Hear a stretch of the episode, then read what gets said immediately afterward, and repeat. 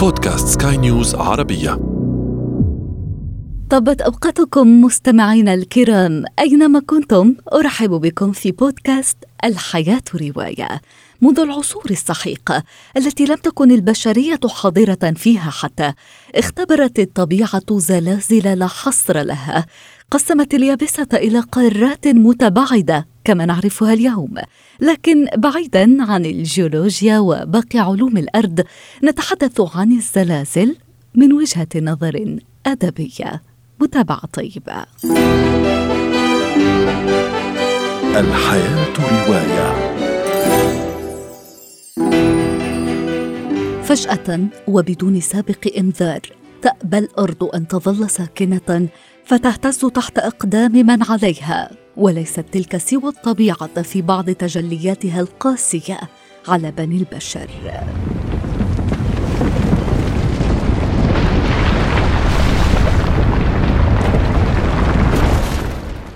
هذه الرواية لا تؤرخ لأحداث ما يعرف بزلزال هانشين العظيم. زلزال كوبي المروع الذي وقع في السابع عشر يناير عام 1995 وأودى بحياة قرابة الستة آلاف وخمسمائة شخص. هذه الرواية تحكي عن الزلازل الداخلية التي ظلت ترتد في قلوب اليابانيين بعد هذه الكارثة الطبيعية على رجال ونساء لم يكونوا ضحايا مباشرين للزلزال لكنهم تأثروا به بشكل أو بآخر وغير مجرى حياتهم. رواية After the Quake ويمكن أن نترجمها ب ما بعد الزلزال للكاتب الياباني هاروكي موراكامي ومنها نقتبس. يمكننا الذهاب إلى أبعد مكان نرغب به ولا يمكننا الهروب من أنفسنا. تجمع الرواية ست قصص ست معزوفات منفردة لسمفونية واحدة. تيمتها زلزال كوبي. Just joining us, we're following the breaking news out of Haiti. The largest, most powerful earthquake in the region's history has crippled the country, measuring 7.0. في الثاني عشر من يناير 2010 اهتزت الأرض في هايتي وطمرت الموتى والأحياء رواياتنا التالية من توقيع الكاتب الفرنسي لوران غودي بعد بضع صفحات من وصف مشاهد الزلزال المروعة يضع الكاتب شخصياته على الحدود الرفيعة بين الحياة والموت في بلد فقير تغرقه الدكتاتورية في أرض متشبعة بثقافة الخرافات. يجب تقبل حقيقة أن يختفي الأحباء بين عشية وضحاها. من مات قد مات ومن بقي حيا يعيش الآن في حداد جماعي. حداد بلد برمته. على أبنائه. لكن طغيان مشاعر التآخي والتضامن يبعث من ركام الأنقاض رسائل الأمل لإعادة الإعمار وإعادة الحياة لانتشال الأحياء من الخوف والموتى من النسيان. يقول الكاتب في البداية هي مجرد قرقرة ارتداد غير طبيعي للجدران. ينظر الناس إلى السقوف ولا يفهمون ماذا يجري. تفتح الأفواه على مصراعيها والعيون أيضا. هل هدير الجدران والأرضية هذا يحدث هنا فقط أم في الحي كله؟ هل سيستمر هذا؟ الثواني تمر ولكن يبدو أنها مستمرة إلى ما لا نهاية. لم تعد الأرض ارضا بل فمن يلتهم.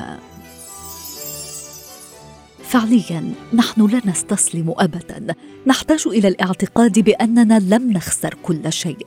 نبقى مرتبطين بخيط حتى إن كان خيطا رفيعا. نخبر أنفسنا مرارا بأن الآخر سيعود في النهاية. ننتظره. نكره أنفسنا من انتظارنا لكن الانتظار أقل إيلاما من الاستسلام بشكل كامل. وها نحن ذا؟ ننتظر شخصا قد لا يعود.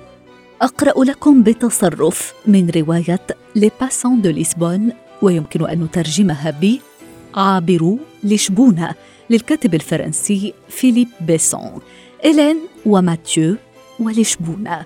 ثلاث شخصيات في رواية جميلة تتقاطع فيها معاناتان. إيلين التي تشاهد بمرارة صور زلزال مدمر هز مدينة بعيدة يقيم فيها زوجها. وماتيو الذي وجد رسالة وداع في شقة فارغة. هذان الشخصان اللذان لا يعرفان بعضهما البعض يلتقيان بالصدفة في لشبونة. وسؤال واحد يضنيهما كيف السبيل إلى تجاوز غياب من نحب؟ وهما يتجولان في أزقة هذه المدينة المتعرجة وشجن إيقاعات الفادو يصل مسمعيهما. تحكي إلين عن مرارة الفقدان عندما تحل خلال كارثة خلفت آلاف القتلى. عن فوضى خلايا الأزمة ومساعدة الضحايا تخبره كيف ظلت متشبثة بالأمل حتى النهاية وذهبت حتى المطار لاصطحاب زوجها وهي تعلم أن الأخير لم يستقل الطائرة أصلا. تحاول شرح ما لا يمكن تفسيره لكن ما من داع للشرح. فماتيو يفهم إحساسها جيدا. الاثنان يشتركان في وجع الفقدان. يكسر فيليب بيسون قلوبنا مئة مرة ثم يعيد لها الحياة عبر إيمانه القوي بجمال الإنسان. الحياة رواية. وفي ختام هذا العدد أشكر لكم وفاءكم وطيب إصغائكم مستمعينا الكرام. بإمكانكم تحميل هذا البودكاست عبر منصات أبل وجوجل وغيرها حيث بإمكانكم أيضا ترك آرائكم وتعليقاتكم ومقترحاتكم. كنت معكم أنا إيمان جبور. يتجدد لقاؤنا في العدد المقبل.